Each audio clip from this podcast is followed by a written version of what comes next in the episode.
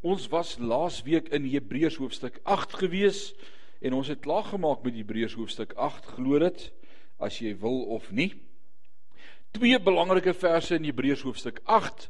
As ons Hebreërs 8 vanaand opsom voordat ons oorgaan tot 9 toe, is hoofstuk 8 vers 10 waar God self hierdie statement maak. Hy sê ek sal my wette in hulle verstand gee en dit op hulle hart skrywe En ek sal vir hulle God wees en hulle sal vir my 'n volk wees. En ons het laasweek gepraat oor maak jou ore oop. Kan jy dit onthou? Dit was die tema gewees, wil jy? Maak jou ore oop.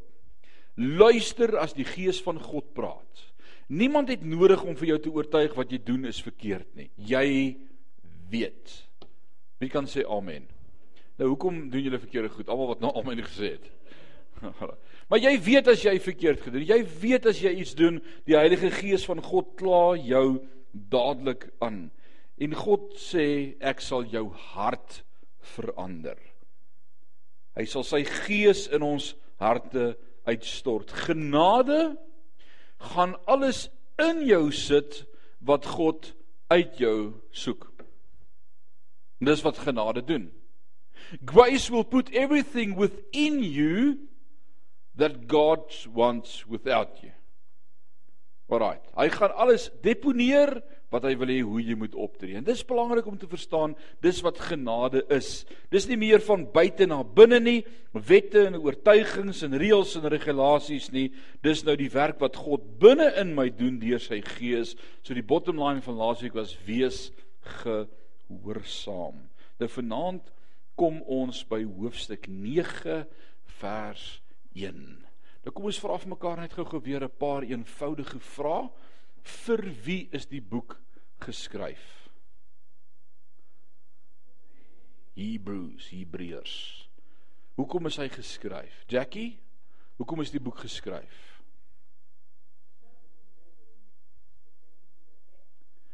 Right. That's important. So we think or we know out of this book that the book Hebrews were written to Jews that were converted, born again believers in Jesus Christ as Lord and King, the resurrected God, and they wanted to go back to the Jewish roots. Once Jewish, then saved, wanted to go back again.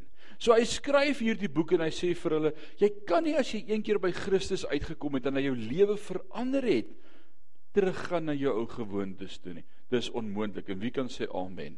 Jy kan net nie. As die Here jou lewe verander het, kan jy nie teruggaan na wat jy was nie. So uit laasweek met ons gepraat oor die nuwe wet, die beter verbond. Ons het die koning wat lewe, hy praat deur sy gees in ons harte. Ons het nie meer die wet en die 10 gebooie nodig om vir jou te sê jy moet dit en jy mag nie dit nie en jy moet so maak nie. Ons het God se gees en hy praat met ons. En daarom sê hy ek sal in julle harte en op julle verstand my wet en my wil skrywe. En ons weet as kinders van God dat dit is hoe die Here met ons praat. Is dit nie so nie? Hy praat in ons harte met ons en ons verstand met ons. Nou hoor wat sê hoofstuk 9 dan vanaand. Kom ons kyk hoe ver kom ons met hoofstuk 9. So het dan die eerste verbond sowel verordeninge vir die erediens as ook sy aardse heiligdom gehad. Want die tabernakel is so ingerig en nou begin ons vanaand praat oor die tabernakel. Nou vra jy vir my wat op aarde is 'n tabernakel? What is the tabernacle? It's the tabernacle of Moses. Right? Die tabernakel van Moses, 'n tentwoning, 'n tydelike plek waar God met sy mense wou ontmoet. Daai woordjie tabernakel beteken God kom slaan tent op. Dis wat dit beteken. So God kom uit die hemel as te ware en hy kom slaan tent op tussen sy Israeliete daar in die woestyn en hy sê ek wil saam met julle wees. I want to dwell amongst you. I want to tabernacle amongst you. So Moses hierso is die opdrag van hoe die tabernakel moet lyk. Julle dra daai tent saam met julle rond elke plek waar julle gaan. Ek wil by julle wees. Ek wil nooit weer ver van julle af wees nie en ek wil hê julle moet naby my wees. Want dis ons groot probleem van die begin af.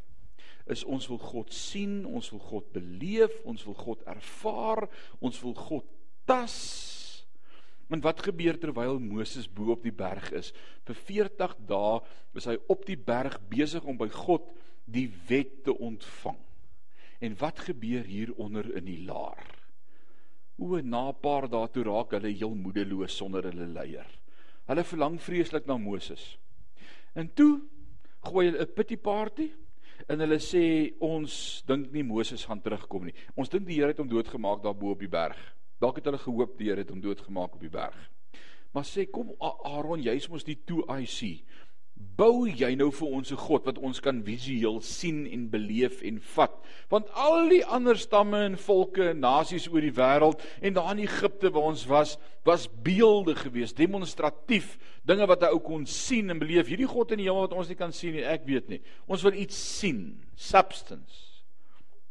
Bou vir ons 'n goue kalf. Ek kan nog nie lekker daai goue kalf oor my hart kry nie. Kom Kobus, 'n kalf. Hæ? Nee man.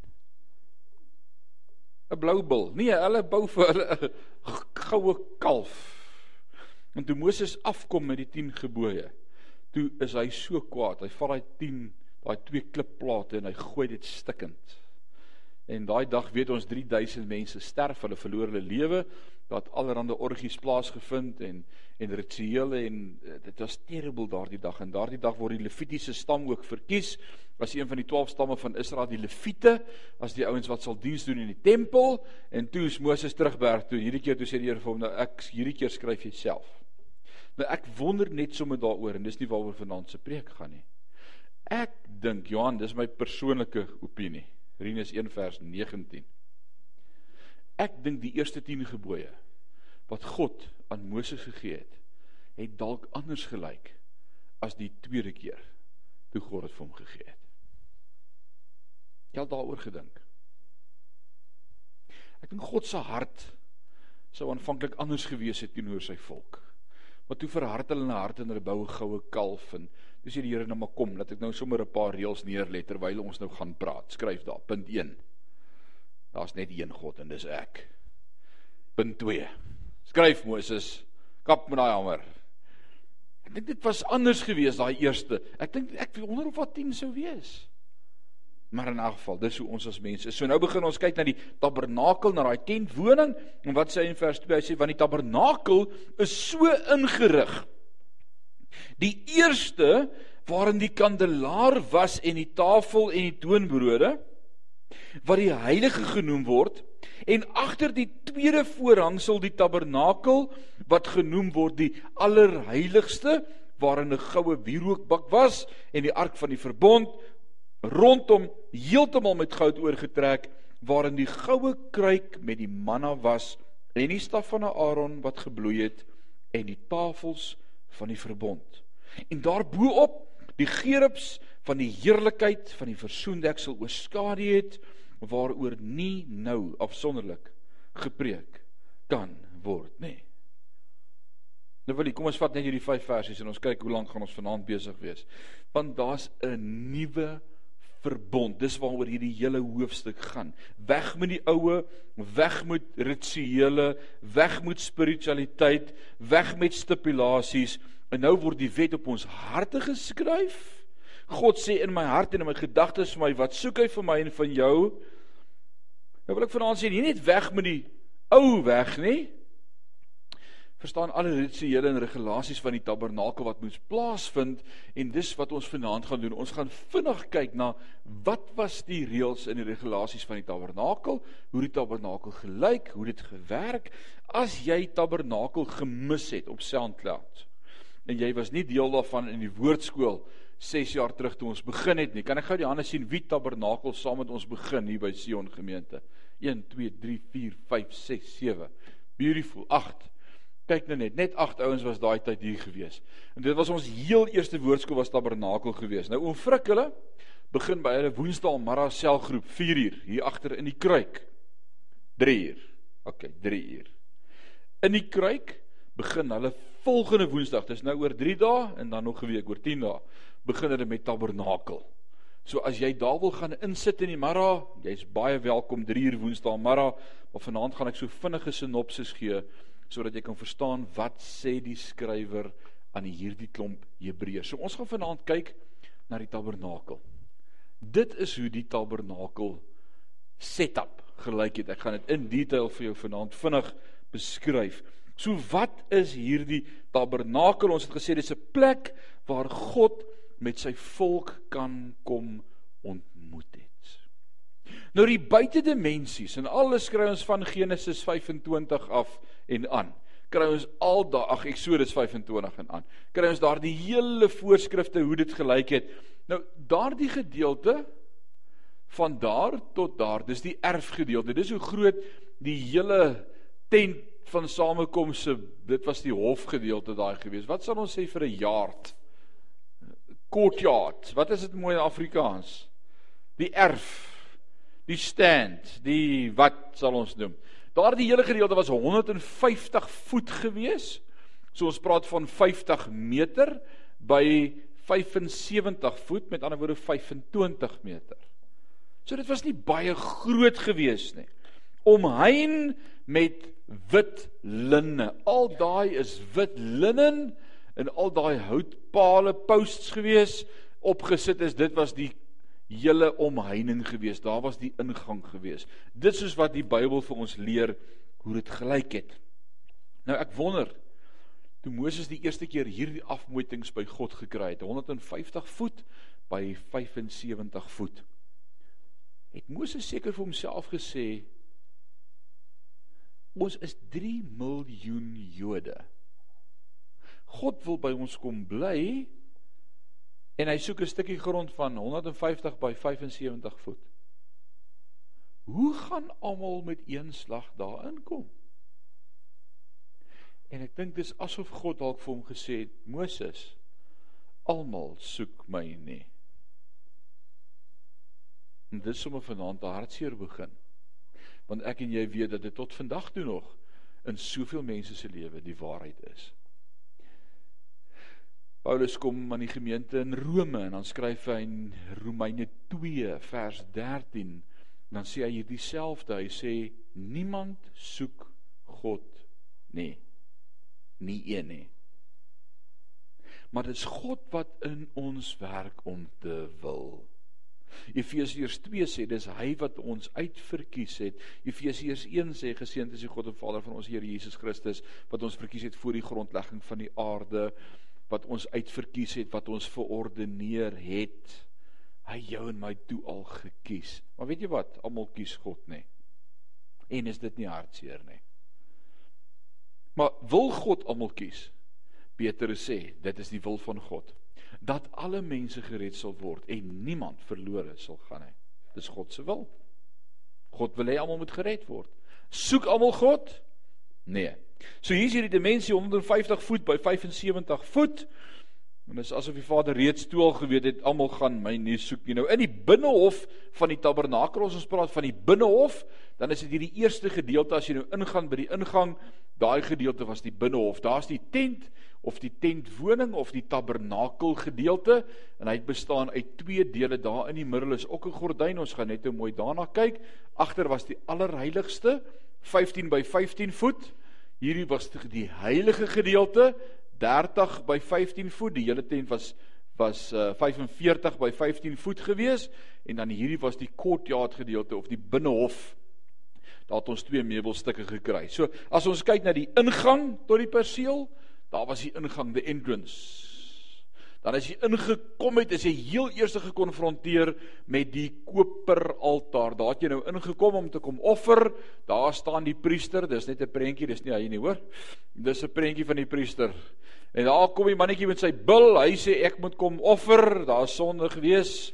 Ek moet kom betaal, kom voorspraak doen met die Vader. Die priester sou die bil vat, dan beweeg hulle in en dan die eerste meubelstuk wat jy daar kry in die courtyard is die koper altaar of the brazen altar. Dit is hoe hy sou gelyk het. Right. 5 voet by 5 voet by 5 voet. Sederhout oorgetrek met goud of met koper. daar is die mandjie wat hulle ingesit het bo en dan sou die bees daar opgekom het of die skaap of die bok of wat hulle sou gealt geoffer het. Alraight. So na die koper altaar is die priester se hande nou lekker vuil is en vol bloed is en dit was 'n bloederige spul gewees. Ons het laasweek bietjie daaroor gepraat. Dan jy verbygeloop tot by die tweede meubelstuk wat jy gekry het op hierdie perseel aan die buitekant net voor die tent. En dit was die dit was die uh koper waskom. Ja, oh, die koper waskom en daar het jy jou hande dan gewas. Daai skoon water, daai ding is gemaak van spieëls. Koper was in daardie tyd hulle spieëls geweest. Daar was nie glas nie en die uh die Egiptenare het vir die vrouens toe hulle trek uit Egipte land uit as geskenke al daardie juwele in spieëls en koper gegee. En toe hulle hierdie goed begin bou daarin Exodus 25, toe het al die vrouens hulle spieëls gebring. Dit dis 'n goeie ding, moet ons dit nie weer doen nie. Al die vrouens moet hulle spieëls bring, dan gaan hulle dag sommer langer wees. Tanya, hoe lank 'n dag staan jy voor 'n spieël? Alraai, maar in 'n geval. OK, ek gaan nie vra hoekom nie. En dan het jy daai spieëls gevat en hulle daaruit het hulle daardie koper waskom gemaak. Na die koper waskom sou jy by die tent kom, die tent van die tabernakel en as jy daarin beweeg het en daar's die groot prentjie bietjie meer realisties van die meubelmente en die materiale wat gebruik is, die gevlekte linne hier voor met rooi bloed. Uh daar sou plek gewees het waar die offers voorberei is aan die kante daar was die koper altaar en dan ook die koper waskom en dit is hoe die tent sou gelyk het as ons kyk na Eksodus 25 en aan van daardie gedeelte. Nou baie interessant hoe dit gelyk het.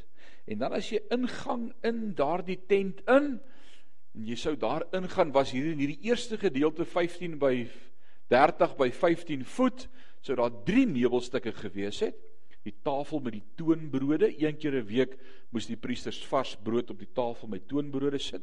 Kan julle onthou toe Dawid weggevlug het uh, vir sy manskappe wat hom wou doodmaak? Toe gaan kruip hy weg in die tabernakel en toe eet hy en sy manne van daardie toonbrode. Dit was eintlik net gewees vir die priesters wat diens doen in die tempel. Daar moes altyd vars brood in die huis van die Here wees. Profeties van dit wat die Heilige Gees eendag in die kerk gaan doen, dat daar altyd vars brood in sy huis sal wees. Alles daar, sê Hebreërs 9, is profeties van dit wat sou kom en ook 'n prentjie van dit wat in die hemel is. Na die tafel was daar ook die, op jou linkerkant die goue uh kandelaar of the golden uh candlestick, sewe kandelaare, sewe vlammetjies. Elke oggend moes die priesters vars olie bygooi, seker maak dis mooi vol en die per die, die onthou julle die wie van julle het groot geword met lampe? Lampe en lampolie. En dan moes daai put geknip raak. Onthou jy anders maak hy so hy rafel uit en dan maak hy so groot swart vlam. Hy moet die put moet geknip word. Nou elke dag was dit die priester se werk wat diens doen, is daai putte moet geknip word, seker maak hulle het nuwe vars putte in dat daai lamp nooit doodgaan nie en vol olie maak. Daar het jy ook gekry the golden altar of incense, die goue reukoffer altaar en daar moes altyd 'n reuk wees van reukolies en speserye spesifiek soos wat God dit ook vir hulle beskryf het hoe dit moes gemaak het elke dag daardie goue wierook voor jou. Nou dan was daar die voorhangsel. Die voorhangsel was 'n swaar gewefte gordyn gewees 15 voet breed, 15 voet hoog, 6 duim dik. Dit het 100 priesters gevat om daardie gordyn opgehang te kry toe hulle dit gebou het in Salomo se tyd met die tempel van Salomo. Imagine dit. Hierdie dik swaar gordyn wat hulle met hulle moes saamdra en dan agter daardie gordyn was the ark of the mercy seat of die verbondsark. Die ark, the ark of the covenant. Alrite, dit was agter gewees op daardie ark. Binne in die ark was wat gewees? Die 10 gebooie, die wet van God was binne in die ark. Daar was ook 'n bakkie manna later gewees, die staf van Aaron wat gebod het. Dan bo op die ark die deksel, ons praat van die versoendeksel, die Engels sê the mercy seat. Heeltemal anders as die woord versoendeksel. Wat beteken versoendeksel? Ronnie beteken dit vir jou iets? Has it got meaning die woord versoendeksel? Wat beteken die woord versoen? Vereniging, versoen, wat's nog 'n mooier Afrikaanse woord? Omfrik. Versoen om vrede te bewerk, vrede te maak. Die versoendeksel, hoe sê dit aan die Lydia? Ooreenkoms is waar die versoening plaasgevind het. Die versoendeksel, dit was the mercy seats. En dan bo op hierdie versoendeksel wat oorgetrek was met goud. Dit was 'n klein boksie gewees van 3 voet by 3 voet. Dis nie 'n groot ding gewees nie. En dan bo op was twee engele wat met hulle vlerke so na mekaar toe gestaan het en hulle het daardie gedeelte so beskerm en toegemaak. En dis waar oor die bloed gespat sou geword het. Nou hoor wat skryf die outeur van na die tweede voorhangsel en ons is in Hebreërs hoofstuk 9 en ek lees vir jou in vers 3. Hy sê en agter die tweede voorhangsel die tweede voorhangsel die tabernakel wat genoem word die allerheiligste. Alraai, so hy praat van die allerheiligste. My vrou druk net weer F5 daar asseblief. Pragtig. So in daardie agterste gedeelte Daar agterin is die allerheiligste en daar was 'n groot voorhangsel in die middel. Nou praat hy van agter daardie tweede voorhangsel die tabernakel wat genoem word die allerheiligste waarin 'n goue wierookbak was en die ark van die verbond. Nou dis baie snaaks. Want ek het nou net vir jou gesê dat die wierookbak voor die voorhangsel was in die heiligste en in die allerheiligste was net die ark die verbondsark. Maar die Hebreërs skrywer skryf iets nou, ons moet onthou as ons kyk na Hebreërs en Hebreërs sê dit ook vir ons dat alles wat hy vir ons skryf rondom die tabernakel sê hy is 'n prentjie van dit wat ook in die hemel is. So eendag as ek en jy in die hemel kom, gaan ons sekere goeders daar sien en verstaan. Ah, dis wat dit beteken het op aarde. Dis dis hoekom dit daar was en dis ook hoekom ons tabernakel gedoen het. En dis hoekom dit vir jou goed sal wees om tabernakel by te woon by Oomfrik hulle se selgroep Woensdae maar daar 3 uur sodat jy kan gaan leer wat beteken elke faset van dit. Nou dit kan een van twee goed beteken. Dit kan beteken dat die wierookbak vas was aan die voorhangsel, met ander woorde aan die voorhangsel gehang het. So plaas dit op sy eie gestaan het die wierookbak, kon hy aan die voorhangsel vasgewees het, so as die skrywer sê en agter die tweede voorhangsel die tabernakel wat genoem word die allerheiligste waarin het jy dit? Waarin? Waaraan? Die goue wierookbak was en die ark van die verbond is aan die ander kant. Dis een manier hoe teoloë hierdie skrif probeer verduidelik deur te sê, "Mm, dis dalk wat dit kan beteken, maar dit is nogal bietjie tegnies." Jy moet nou mooi jy sê ek en jy moet leer ons weet nie alles nie. Dis nogal belangrik om dit te verstaan. Wie weet dis die waarheid? Wie kan sê amen? Wie weet jou man weet nie alles nie, sê amen. Dis Moedersdag, so ek gaan dit nie andersom vra nie. Maar dis belangrik om dit te verstaan. Ek dink nie dis wat hier staan nie. En persoonlik as ek kyk na dit wat geskryf word vir ons en dit wat julle gaan sien uit Eksodus 25 en aan en dit word baie duidelik beskryf waar moet wat staan en hoe moet dit lyk, dan dink ek nie dis wat die Hebreërs skrywer hier bedoel nie. Ek dink daar's 'n tweede verduideliking. Iewers het iemand nie geluister nie en het verkeerd gehad. Like so many times we have a tendency to mess things up. We don't listen. In Eksodus skryf Moses. Wanneer laas het jy telefoontjie gespeel? Wanneer laas het jy vir iemand 'n boodskap gegee om vir iemand anders te gee? En wie weet wat elke keer gebeur? We mess it up. Iewers kom 'n stertjie by en 'n deeltjie by of 'n belangrike deel inligting wat nie oorgedra word nie. En dan is die boodskap op die einde totaal en al iets anders as wat dit moes gewees het. Om Kobus? Nou that's what we tend to do. En dis asof as die Hebreërs skrywer hier vir my skryf hoe dit moes lyk en ek hoor wat Moses gesê het vir die volk van hoe hy sien dit moet lyk. Nou ons weet Moses het daai probleem gehad. God praat met Moses en hy sê Moses, praat met die klip. Moses sê sjap, hy vat sy stok, hy slaat die klip. En jy kan vanaand hier sit en sê, "Jeg, Moses het maar 'n probleem gehad." Ek wil vir jou sê ons almal het dieselfde probleem. God praat in jou hart met jou. Jy wil negotiate. En jy dink, "Nee, ek weet daarom nie." Vanmôre het Jackie voorgestaan en getuig van die jeug van nou die aand. En hy sê die Heilige Gees het vir my gesê sê vir hierdie persoon so. En toe die volgende woorde wat by sy mond uitkom het my laat smile. Hy sê toe sê ek vir die Here, ek kan dit nie sê nie.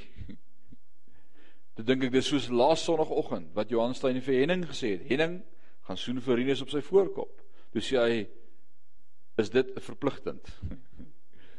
Ons wil altyd negotiate met God. En iewerster het God hierdie plan en prentjie gegee van dis ook wil hê dit moet lyk vir 'n rede en toe sê Moses God se teenwoordigheid is aan die ander kant. Maar die kant waar ons werk die hele dag in sweet en is nogal warm in daai tabernakel. Die priesters is die kant. Ons dink die wierook moet eerder die kant wees dat dit ten minste alraai ryk. Kan jy die prentjie? Iewers het iemand dit verander. Nou wat sien ek daaruit raak vanaand behalwe dat ek daarmee kan assosieer dat ek en jy dit soms die meeste van die tyd verkeerd kry. Oh we mess things up. Ah, ons maak van kerk dinge wat dit nie moet wees nie. Ons sit reëls en regulasies en rituele en voorwaardes en en en God sê net dis 'n plek van samekoms. Kom net en aanbid my en beleef my en ervaar my en ja, ons maak kerk baie moeilik soms. Te midde van dit en dis wat ek vanaand hier in raak sien wat vir my awesome is. Te midde van die feit dat hulle dit verkeerd gekry het. Het God nog steeds met hulle ontmoet en hulle gebless. Te midde van die feit dat ek en jy in ons lewe dinge verkeerd doen, is God nog steeds 'n God van genade wat ons bless. Ons sit ons nou die wierook bak in die verkeerde plek in die tent. In plaas van die kant gou God dit aan die kant hê. Ons sê God is okay, kom hier dat ek jou bless. Ek wil nog steeds met jou praat. Is dit nie amazing nie? En ek dink dis iets van dit wat ek reeds in die Ou Testament raak sien, is dat God van die begin af soms ook weggekyk het vir ons foute. As ek en jy die Ou Testament lees, het ons baie keer hierdie opinie van God wat net reg staan om ons pak te gee, waag net om 'n fout te maak. Ek wil vir jou sê hoe meer ek in die woord is, hoe meer besef ek dis nie die Bybelse storie nie. God het time and time again graciously net weggekyk en gebless. Baie keer. Wie kan sê amen? So in al hierdie praat hy van die heilige en dan van die allerheiligste. Nou ek wil hê ons moet vanaand dink aan die priester wat moes diens doen in die tempel. Ek wil hê vanaand in die skoene van die priester sit. Wie van julle het al gewonder hoe sou dit wees om 'n priester te wees in die tempel? Is jy enige belangstellende is dat ek net vanaand ek gaan vorms uit na die tyd niemand vir die priesterskap nie. Alraai, hier kom dit. Dis hoe 'n priester sou gewees het in daardie dag. Jou daaglikse verantwoordelikhede het behels om te offer beeste, skape, bokke, duwe. Dit wat gebring was om te offer. So jy moes en ons het daar reg sien ons dit, jy het 'n jy moes 'n mes kan operuit, jy moes kon sny. Jy moes nie bang wees vir bloed nie. Jy was soos 'n blokman. Ons het laas vir Martin gesê dis 'n lekker job. Maar jy moes kon met 'n mes werk. En dan as jy daai vleis kon beweeg het, jy kon dit daar op die altaar neersit. Nou jy het daai voordeel gehad van daai offer En, en dit sê vir my iets iets van die Here. Ek sê uit dit alles uit het ek een ding gesê, ek dink die Here like braaivleis kwai. Wie kan sê amen? Ek ek dink hy like braaivleis. Nou, awesome. Dis dis die eerste braaivleis wat ons van lees. En God gee dit 'n opdrag. Hy sê braai daai vleis. En dan moes die priester sy mes vat en hy kon dit insteek hier lekker agter in die boutvleis en hy kon vir hom eers die beste kat gevat het van daai van daai bees. En dis awesome. So lekker stuk beesbout. Lekker gebraaide braaivleis. Maar baie interessant ook en die Here spesifiek daaroor en as ons Exodus doen of jy dit saam met hom vrug deurgaan of jy dit op SoundCloud gaan luister, is beskikbaar onder Tabernakel. Ons sal ook weet dat die afval van die bees moes behoue gebly het. Die priesters moes dit vir hulle ook gaar maak en eet. So ons het vanmiddag by my ma se Moedersdag ete afval geëet om net gehoorsaam te bly aan die opdrag. So. Party van julle sou dit nie gemaak het nie. So dink wat moet hy elke dag doen? Hy moes offer, vleiswerk, sny, brand, hande was, skoon klere kort kort aantrek. Dan gaan hy in in die heiligste, daar moes 'n paar goed gebeur het. Hy moes die kerspitte knip. Hy moet seker maak daai olie, daar's olie in die lamp. Ek dink dis waar daai liedjie gesing is, keep the oil in my lamp. What give me oil in my lamp, keep me burning. Dit het dalk gesing terwyl hulle daar binne geknip het.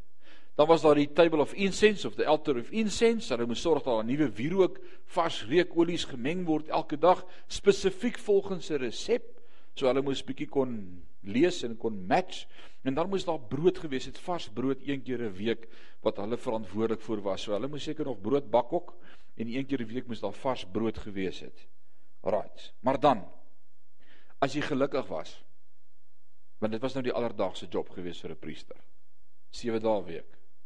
As jy gelukkig was en jy was die eersgeborene in jou gesin en jy was in die stam van Levi, Leviet, priester. Kon jy dalk gekies word om eenmal 'n jaar in te gaan as hoëpriester agter die voorhang. Net een ou kry een keer 'n jaar opportunity om daarin te gaan. Jy's net die hele tyd die kant. Knip die lonte, bak die brood, gooi die olie, werk met die vleis. Dit was 'n rowwe job. Maar daai ou kon een keer 'n jaar ingaan nou om homself voor te berei. Moes hy vir 'n week lank voor die Yom Kippur of die festival of die ons ken dit vandag ook as Paasfees of die Pasag, né? Die instelling daarvan. 'n week voor die tyd moes hy homself in die heilige gedeelte gaan afsonder en vir 'n week lank daar bly om te bid, om homself voor te berei, seker te maak daar's nie issues in sy lewe wat hy nog nie met die Here uitgesort het nie, want as hy hier onderdeur gaan in die allerheiligste in. Wat sê God vir Moses as jy my sien sal jy sterf? Sin cannot enter the presence of God. Sin cannot enter into the presence of God. Surely you will die. That's why we needed a savior. Dis hoekom ons Jesus nodig het. Sodat ek kan ingaan en met God gemeenskap hou. So wat gebeur dan? Kom ons praat gou oor daardie hele week lank moes hy in die heilige deel wees, sy sonde bely en hy moes oefen om alles reg te kry wat hy moes gesê het as hy daar in die voorhangsel ingaan en dan op die dag van die offer. Moes hy heel eers vir homself 'n bul offer vir sy sonde om seker te maak sy saak met die Here is reg. So daai oggend as die dag aangebreek het, het hy sy bil gevat en ons het dit net nou daar gesien, die prentjie van die van die man wat die bil vat en dan daai priester sy bil ingebring en hy het vir hom gaan slag en hy het hom op die altaar gesit. En dan het hy sy klere uitgetrek, daardie klere wat hy sou aan hê vir die ritueel. En dan het hy ingegaan in die tempel in. Alraight. Nou wat sou hy dan gaan doen het? Terwyl dit gebeur, terwyl hy hierdie buloffer en ingaan, bring die ander priesters so lank twee bokke nader. Ek gaan nou met jou praat oor die twee bokke. Dit is baie belangrik om dit te verstaan. Twee bokke word daardie dag gereed gehou, klaar uitgesoek sonder vlek, rimpel, gebreekte been, hulle is nie skeel nie, hulle het geen defekte of disformasies nie, twee perfekte bokke daarso. So die eerste plek, die priester het vir homself gaan offer. Dan vat hy as daai bul geoffer is van die kole van die altaar. En hy vat van daai kole van die altaar binne-in in die heilige gedeelte. As hy in die heilige gedeelte ingaan, het God met 'n wolk hom toegemaak en oordek. Dit was dit sou amazing gewees het. En dan sou hy weer uitgaan en hy bloed gaan haal van daardie bul wat hy geoffer het en dan het hy ingekom met daardie bloed en dan sy onder die voorhangsel deur in die allerheiligste in en hy sou met 'n hisop takkie sewe keer die bloed op die vloer spat. What's the meaning of that? Hoekom spat ons die bloed? Wat beteken dit? Wat het die bloed gedoen? Waarna verwys dit profeties? Why blood? Dit verwys na die bloed van Christus wat gaan kom. Alraai. So sewe keer spat hy bloed op die grond om alles te heilig en dan vat hy daardie hisop takkie en hy spat sewe keer bloed op die versoendeksel tussen daardie twee engele spat hy sewe keer ook bloed daar. Dis sy offer vir sy sondes sodat hy vir die volk se sondes kan kom offer. So hy moet eers verby God kom homself. As hy op daardie stadium nog sou lewe, as God sy offer aanvaar het, dan sou hy uitgaan om die tweede bil te gaan offer en dis die offer vir die volk sodat God die volk se sondes ook sou uitstel vir 'n jaar. Wat het die offer beteken? Dit kon nooit sonde afskaf of uitwis nie, maar dit het sonde vergewe vir nog 'n jaar. God sal nie nou met jou sonde deel nie. Ek sien jou in 'n jaar. En oor 'n jaar kom dit en dieselfde goed gebeur weer en sê goed, God sê goed, ek sal dit vir nog 'n jaar nie toereken nie. Daar moet geloof wees dat iewers eendag iemand gaan kom wat die volmaakte prys kan betaal sodat dit ook vergewe kan word. Waarna verwys dit profeties na wie se koms? Jesus Christus. Dis beautiful. So nou as jy die priester 'n tweede keer uit, as hy die eerste keer dan daar sou sterwe en dis die rede hoekom hy die volgende gedoen het, het hulle 'n tou om sy voet vasgemaak en daar was onderaan sy rok klokkies gewees. Granaatpitte en 'n klokkie, granaatpitte klokkie, 'n granaatpitte klokkie. Hulle sou hoor die ander priesters hier in die heilige dit tingeling hier binne en as hy sou sterwe en dit raak stil, kon hulle hom met die tou uitsleep aan sy voet. Maar as hy self daar uitkom en hy sê ek is verby round 1. Nou gaan ons vir die volk offer. Het hy weer uitgegaan? En dan het hy weer 'n bul geoffer. En hy daardie bloed gevat en hy's weer in onder deur die voorhangsel tot by die allerheiligste en hy het weer 7 keer gespat en sewe keer gespat op die versoendeksel en hy het vir die volk se sondes kom verzoening bring by God op die versoendeksel. As hy dan lewe beteken dit God het dit aanvaar. God sou daar met hom ontmoet het. En dan kom hy uit en dan gaan haal hy van daardie bloed van die bul wat geoffer is daar by die altaar en hy vat van daardie bloed en dan kom die twee bokke Die een bok word geoffer op die altaar. Op die ander bok sou hy sy bebloede hande druk. Wat simboliseer dat jy nou belaai word met die sonde van die volk. En dan sou 'n priester daardie bok uitlei en ons het van daardie bok gepraat as die sondebok. Hmm.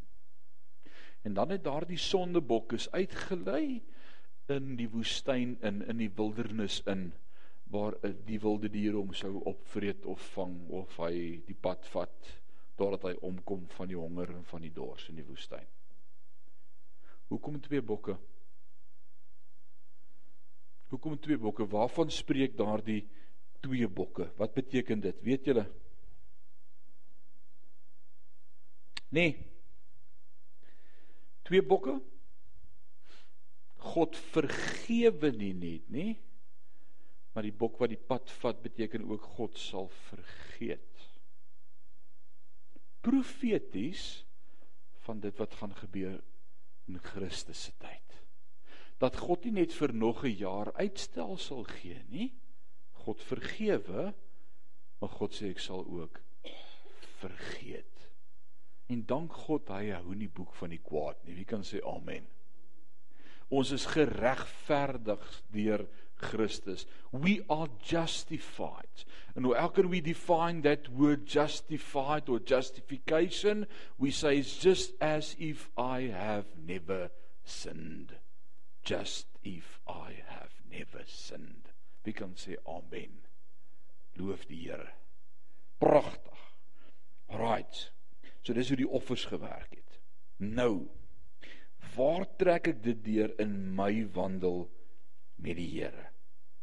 Hoe werk ek nou? As ons kyk na daai hele bedeling van priesterskap en ons het sover in Hebreërs gelees dat die Hebreërs skrywer vir my sê ons is ook 'n heilige priesterdom. Jy kan sê amen. Is jy priester of ja of nee? Jy's 'n priester. God het jou geroep as 'n priester. Jy is deel van die priesterdom. Nou in hierdie priesterskap van my en van jou in ons lewe, want nou verwys hy na die tabernakel, maar hy praat eintlik met die Hebreërs, so wat sê hy vanaand vir my en vir jou? Waar staan jy in jou verhouding met die Here as priester? Hm, dis 'n goeie vraag. Net ek 'n klomp vraagtekens en frons op julle gesigte hier van vooraf. Nou kom ek vertel vir jou dis eintlik so eenvoudig. Jy kan jouself op een van drie plekke bevind. Eerste een, is jy kan daar by die tent wees. Net daar by die deur. Ja, jy het jou hart vir die Here gegee. Jy het jou bekeer tot God. Jy is bly om deel te wees van die kerk van die Here Jesus Christus. Jou naam is geskryf in die boek van die lewe. Jy sing daai koortjie. O, dit laat my so lekker sing. Halleluja. Ken jy daai koortjie nog? Wie van julle onthou daai koortjie? En dan sê ons, wat laat jy so lekker sing? Dan sê jy my sonde is vergewe en ek gaan vir ewig lewe. That's it. Jy is deel van die kerk. Dis awesome. Wie van julle is almal deel van die kerk van die Here Jesus Christus? Oh, dis beautiful. Ek koop almal wat hier is is deel van die kerk van die Here Jesus Christus. Dis hoekom ons hier is. So almal van ons was op 'n tyd daar gewees. Maar weet jy wat, daai priester doen net hier voor werk. Hy bly net hier voor rond. Hy gaan nie verder nie. Hy is hier buitekant is okay tannie Annetjie.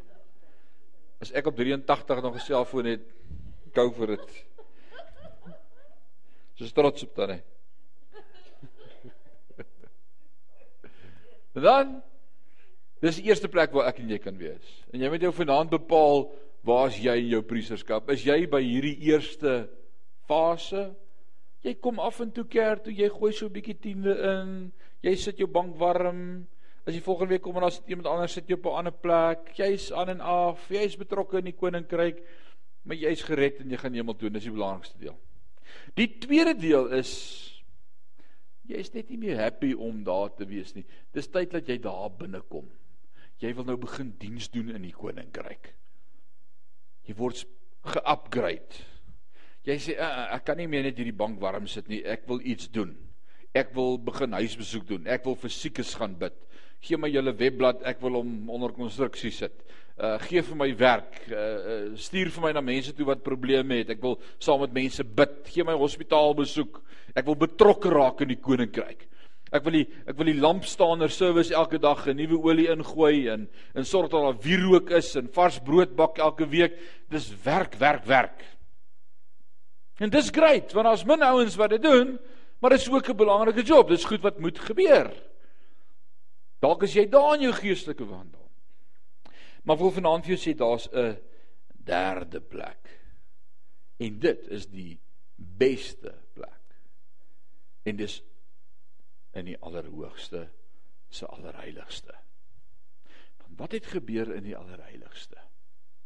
As die priester daarin beweeg het, was hy bevoorreg om die Shekinah glory of God te sien en te ervaar en te beleef.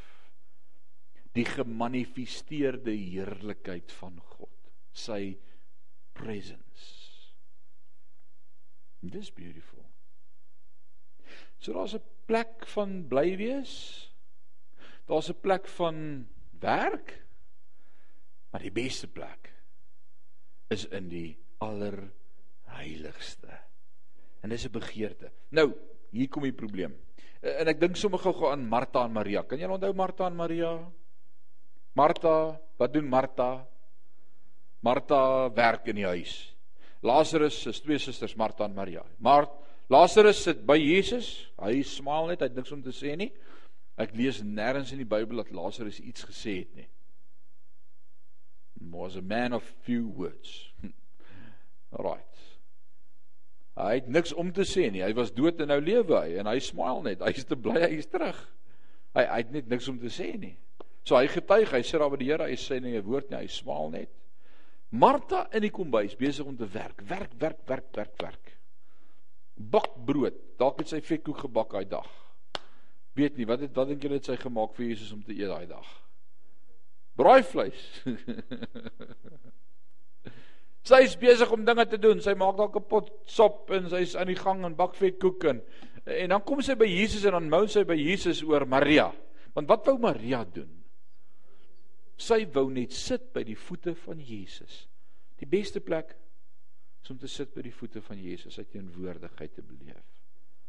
En dan sê wat sê Jesus vir Martha? Martha Maria het die beste gekies. Die beste plek gekies. En daar staan toe 'n ander ouetjie ook daar rond. En hy kyk hoe vat Maria 'n flesie nardesalf en sy breek dit en sy gooi dit oor Jesus se voete en met haar hare droog sy dit nog afhok. Nou nardesalf was 'n baie kosbare salf geweest. Nardesalf se waarde was gelykstaande aan 'n gemiddelde inkomstebetaler se 1 jaar se inkomste. So vat gou jou salaris wat jy in 'n maand kry, maar dit moet 12, dit was wat 'n fles nardesalf jou sou kos in daardie tyd. Sy vat daai flesie nardesalf. So wat sou die waarde daarvan gewees het? Daar was nie effekte trust nie, daar was nie 'n spaarrekening nie, daar was nie banke nie, daar was nie aandele nie. Dit was haar pensioenfonds. Sy sou dit later verkoop het vir 'n jaar se inkomste. Dit sy dit vir haarself gespaar. Dit was haar spaargeld. En sy sê niks is so belangrik soos Jesus nie. En sy salf sy voete daarmee. En daar staan 'n disipel. Sy naam was Judas. Hy het die beurs gedra. Hy was die tesourier gewees van die kerkraad. Hierdie tesourier staan so en kyk en hy kry amper 'n fit toe sy daai narde salf stukkend breek hy sê Here plaas stop u ha ons kon dit verkoop het en vir baie arme mense kos gegee het maar Jesus sê hy het gelieg want hy het geld baie lief gehad. Hy het gewheel en deel. Hy sou vir homself van dit gehou het. Drie scenario's, drie persone, drie verskillende optredes. Al drie deel van die koninkryk. Nou hier is die geheim. Want hier is wat sou gebeur. Hoe meer jy in God se teenwoordigheid inbeweeg, hoe meer sien jy hoe jy lyk in sy lig en heerlikheid. Adam en Eva eet van die verboorde vrug. En God kom in die aand windjie om met hulle te praat en wat doen Adam en Eva? Hulle gaan kruip weg. Hoekom? Want in God se teenwoordigheid raak ek bewus van my sonde en ewe skielik let hulle ons is naak. En Adam sê moenie worry nie. Ek sal vir ons klere maak van Turks vyblare. nee, wille vyblare. Alraight. Ander vy. Dit sou gekrap het. Maar in 'n geval Hulle kruip weg vir God en vir sy teenwoordigheid. So wat doen sonde met my en met jou in God se teenwoordigheid? Dit maak dat ons wegkruip. So as ek in God se teenwoordigheid sou kom staan, skielik raak ek bewus van my sonde en tekortkominge. En dis hoekom die duiwel elke keer regkry om vir my en vir jou te keer om by God uit te kom, want ek is nie volmaak nie. Kan ek gou sien wie se hande opsteek? Wie wie's volmaak? Die Dominiek was eendag so gevra, toe staan daar so ou oomie daar agterop. Toe sê hy, "Regtig oom, is jy volmaak?" Toe sê hy, "Nee, maar ek staan namens my vrou se eerste man. Hy was volmaak." Want ek moet elke dag net hoor hy kon niks verkeerd doen nie. Maar dalk dalk dalk is jy in daai posisie. Maar ons is nie volmaak nie, ouens. Ons het issues. Elkeen van ons. En weet jy wat? Dis wat die duiwel gebruik om vir jou te sê moenie in God se teenwoordigheid kom nie, want jy het issues. O, jy kan nie bid nie, jong, jy het môre jy meer verloor as jy nou bid gaan die Here vir jou baie kwaad word. Bly eerder weg vir 'n dag dan try ons weer. Moenie net nie met God praat nie. En ons glo dit elke keer. Ek wonder as arm Eva die oomblik toe hulle verkeerd was. Na God geroep het en gesê, "Here, ons het droog gemaak, sorry, vergewe ons. Ons soek U." En nie gaan wegkruip het nie. Ek dink God sou anders opgetree het as hoe hy opgetree het. Ek dink so. Ek weet as my kinders aanjaag en hulle kom na my toe en sê wat hulle fout gedoen het, tree ek anderster op as wanneer hulle my los dat ek dit self uitvind. Dan is die hel los. Voel jy ook so hoor? Dan is daar moeilikheid. Jy moes my eerder gesê het. En dis wat sonde doen. Sonde sonde daai vlekke op my my my vuil kleed in die oomblik wanneer ek God beleef en ervaar dan sê die duiwel vir my ooh maar jy o dan oog nee ek kan nie ek ek kan nie net nie ek nie. Jy stap hier in en jy raak bewus van God se teenwoordigheid en van die woord en die praise and worship en jy's bewus die daar's 'n roeping op jou lewe en die Here oortuig jou van iets. Eh, o nee Here ek kan nie. O nee moet asseblief met my net nie roep vir dit nie. Ek kan nie. Nee nee ek is nog nie volmaak nie. Of die Here oortuig jou van die doop. Jy moet jou laat doop En dan sê jy so, "Wow, Jesus, ek wil my laat doop." Ag nee, ek het nog te veel issues in my lewe. Ek moet nog eers 'n bietjie werk daaraan. Nee, as ek moet eers dit los en dit los en dit los dan, ek sal kom.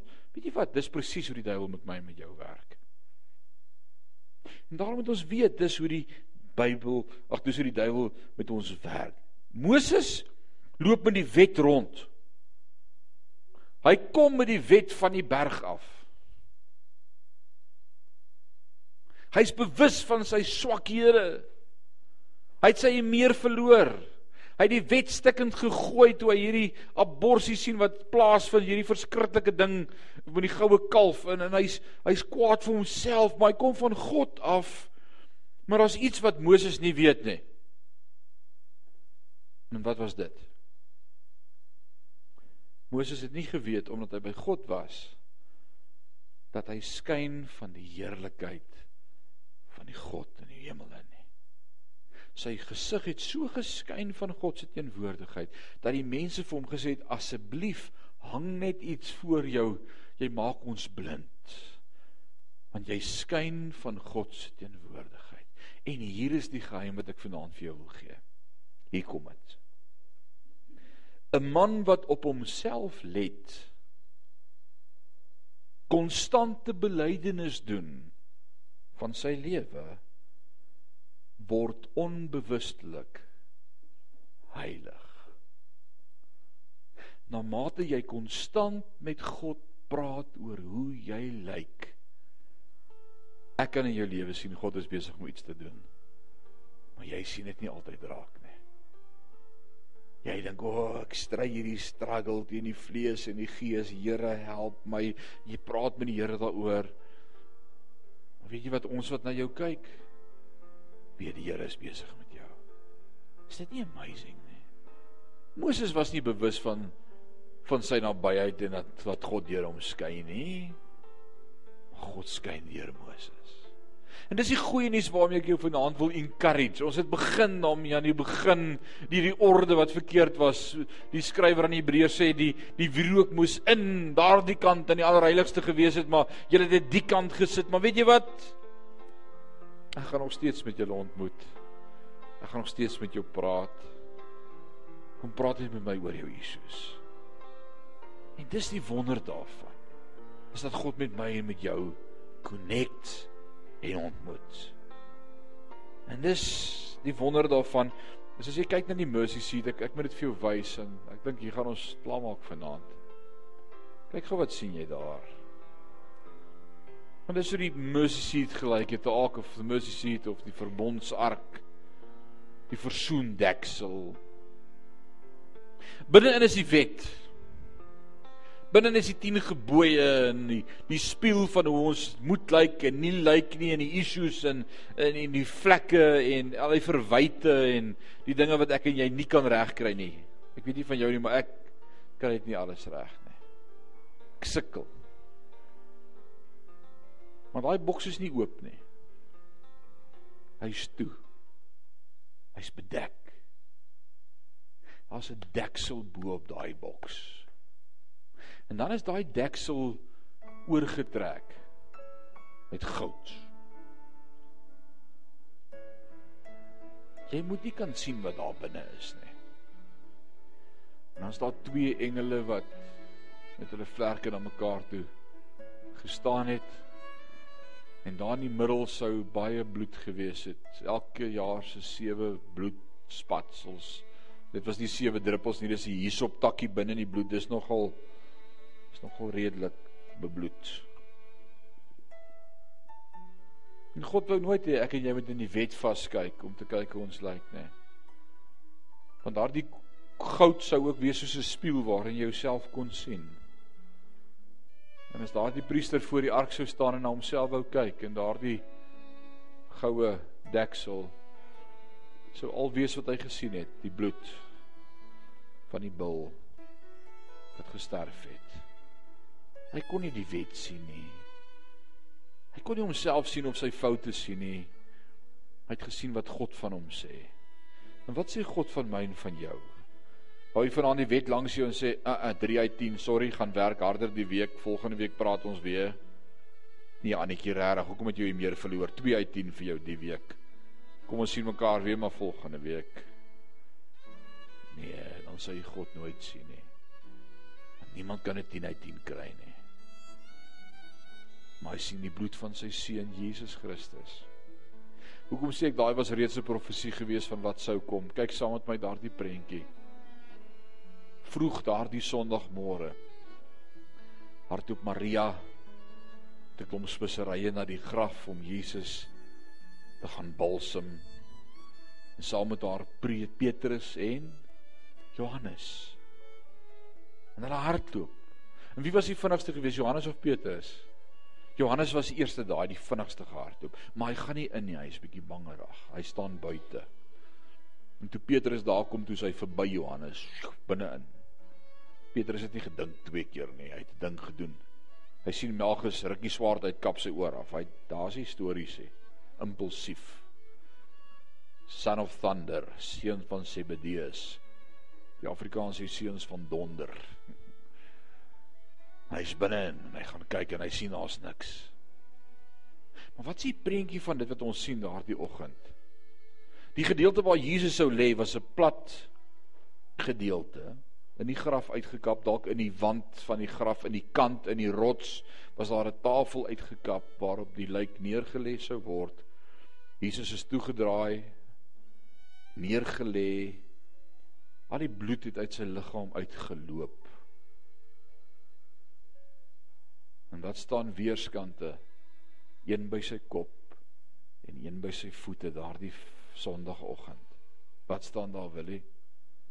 Twee engele. Dis die prentjie wat hy vir hoeveel duisend jaar al vir hulle gegee het. And we call it the mercy seat. Daar waar Christus sou lê sy bloed wat aangeneem is by God die Vader. Twee engele wat dit toemaak. En wat beteken die oop graf vandag vir my en vir jou?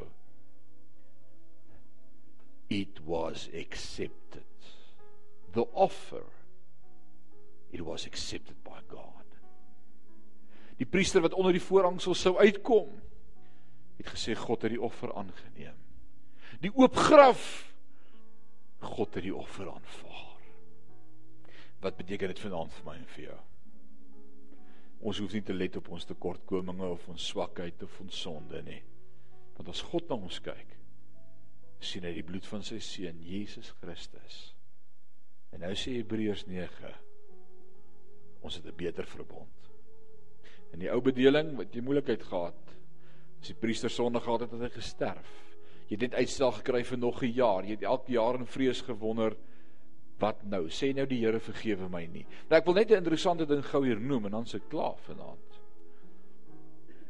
Die enigste sonde waarvoor die hoëpriester kon uitstel vra, is sondes wat jy onbewustelik of in onkunde gedoen het. Geen moedswillige sonde kon jy uitstel voor vra nie. Die reël en die wet vir opsetlike sonde is jy moet gestenig word.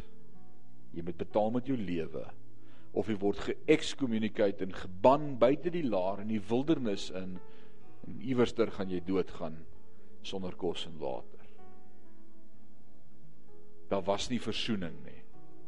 Daar was slegs uitstel van sin in error. Ek het nie geweet nie. I was ignorant of that sin sorry, ek het nie geweet nie. Ek het dit per ongeluk gedoen. Sal jy vra dat die Here my net nie dit toereken nie want ek, ek, het dit nie opsetlik gedoen nie. Sorry. Maar as jy opsetlike sonde gedoen het, jy betaal met jou lewe.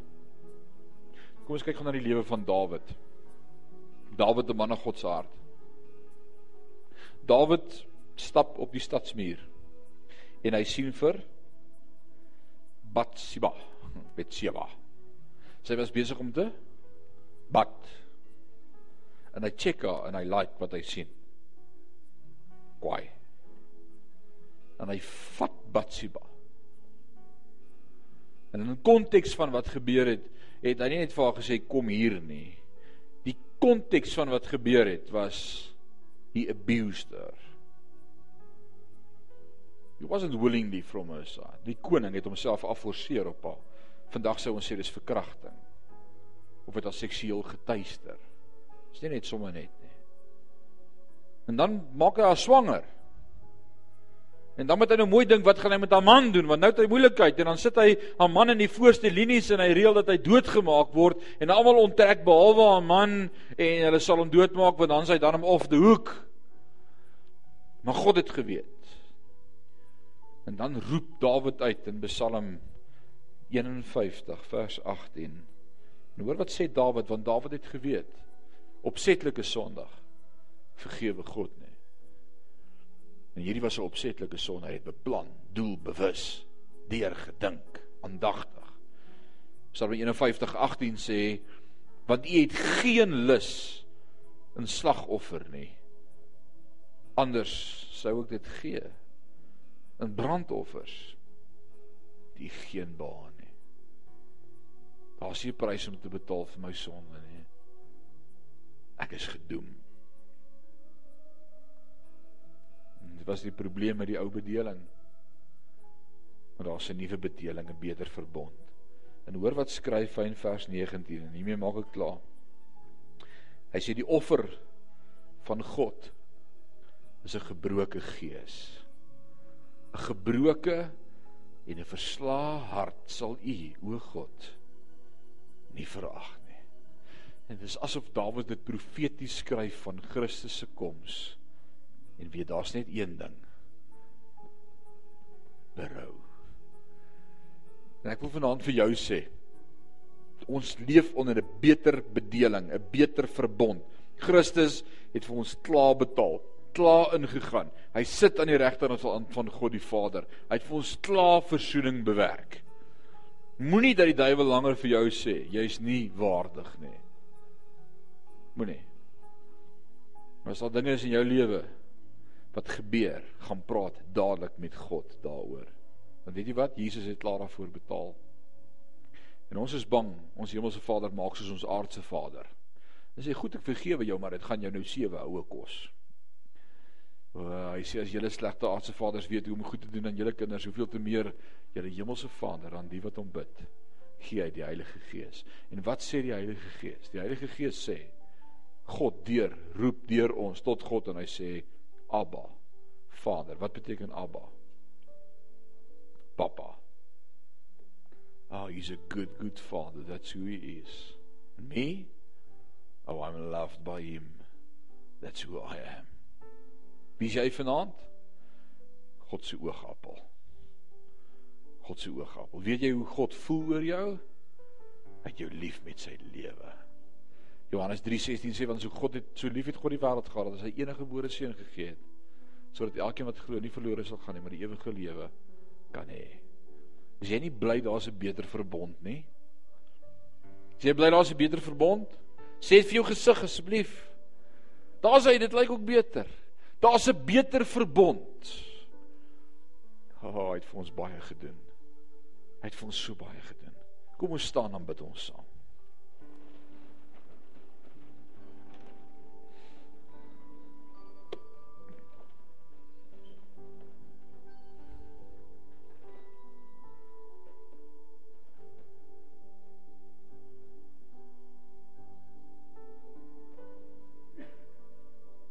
Ewige Vader. Ons is so bewus van ons tekortkominge en ons gebreke. En die duiwel herinner ons gereeld aan ons swakhede. En ons is vinnig om te sê o, ek is nie heilig nie.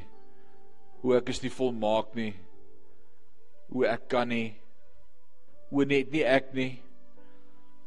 Maar Here, ons wil iewerster toelaat dat die Heilige Gees van God in ons harte skyn en ons onsself begin sien soos wat U ons sien. Volmaak sonder gebrek, heilig voor God, geregverdig, geheilig. Dat die offer reeds betaal is. Ons wil nie vanaand die hele tyd die versoen deksel oplig in ons lewe en kyk hoe lyk ons in in die wet nie. Ons kyk vanaand in 'n goue versoen deksel vol bloed. En ons sien Christus wat vir ons gesterf het aan die kruis 'n nuwe wet. Vader, ons wil vanaand net kom sê dankie. Dankie dat U met ons besig is. Dankie vir U woord. Dankie vir wat ons U leer vanaand uit U woord uit en dat ons vanaand met daardie sekerheid kan huis toe gaan en daardie rejoicing in ons harte wat weet ek behoort aan God. Ja Vader vir opsetlike sonde was daar nie 'n offer in die ou verbond nie. In die woord kom in 1 Johannes en jy sê as iemand opsetlik aanhoudend moetswillig aanhou met sonde, dan is die waarheid nie in hom nie. En dis oor ons bang is dis ons dat ons kort kort kom en met u kom praat oor ons foute. En kom self ondersoek intree en toelaat dat die Heilige Gees se soeklig in ons lewens skyn en met u praat en sê Here help ons met ons issues Help ons om te verander. Help ons om anders te lyk. Dankie Heilige Gees dat U met elkeen van ons besig is. Dankie dat U woord in ons harte en ons verstand ons lei. Gees van God. Aan U al die lof en al die eer en al die aanbidding van ons harte. Is ons gebed in Jesus naam en sê ons sê amen en amen. Amen.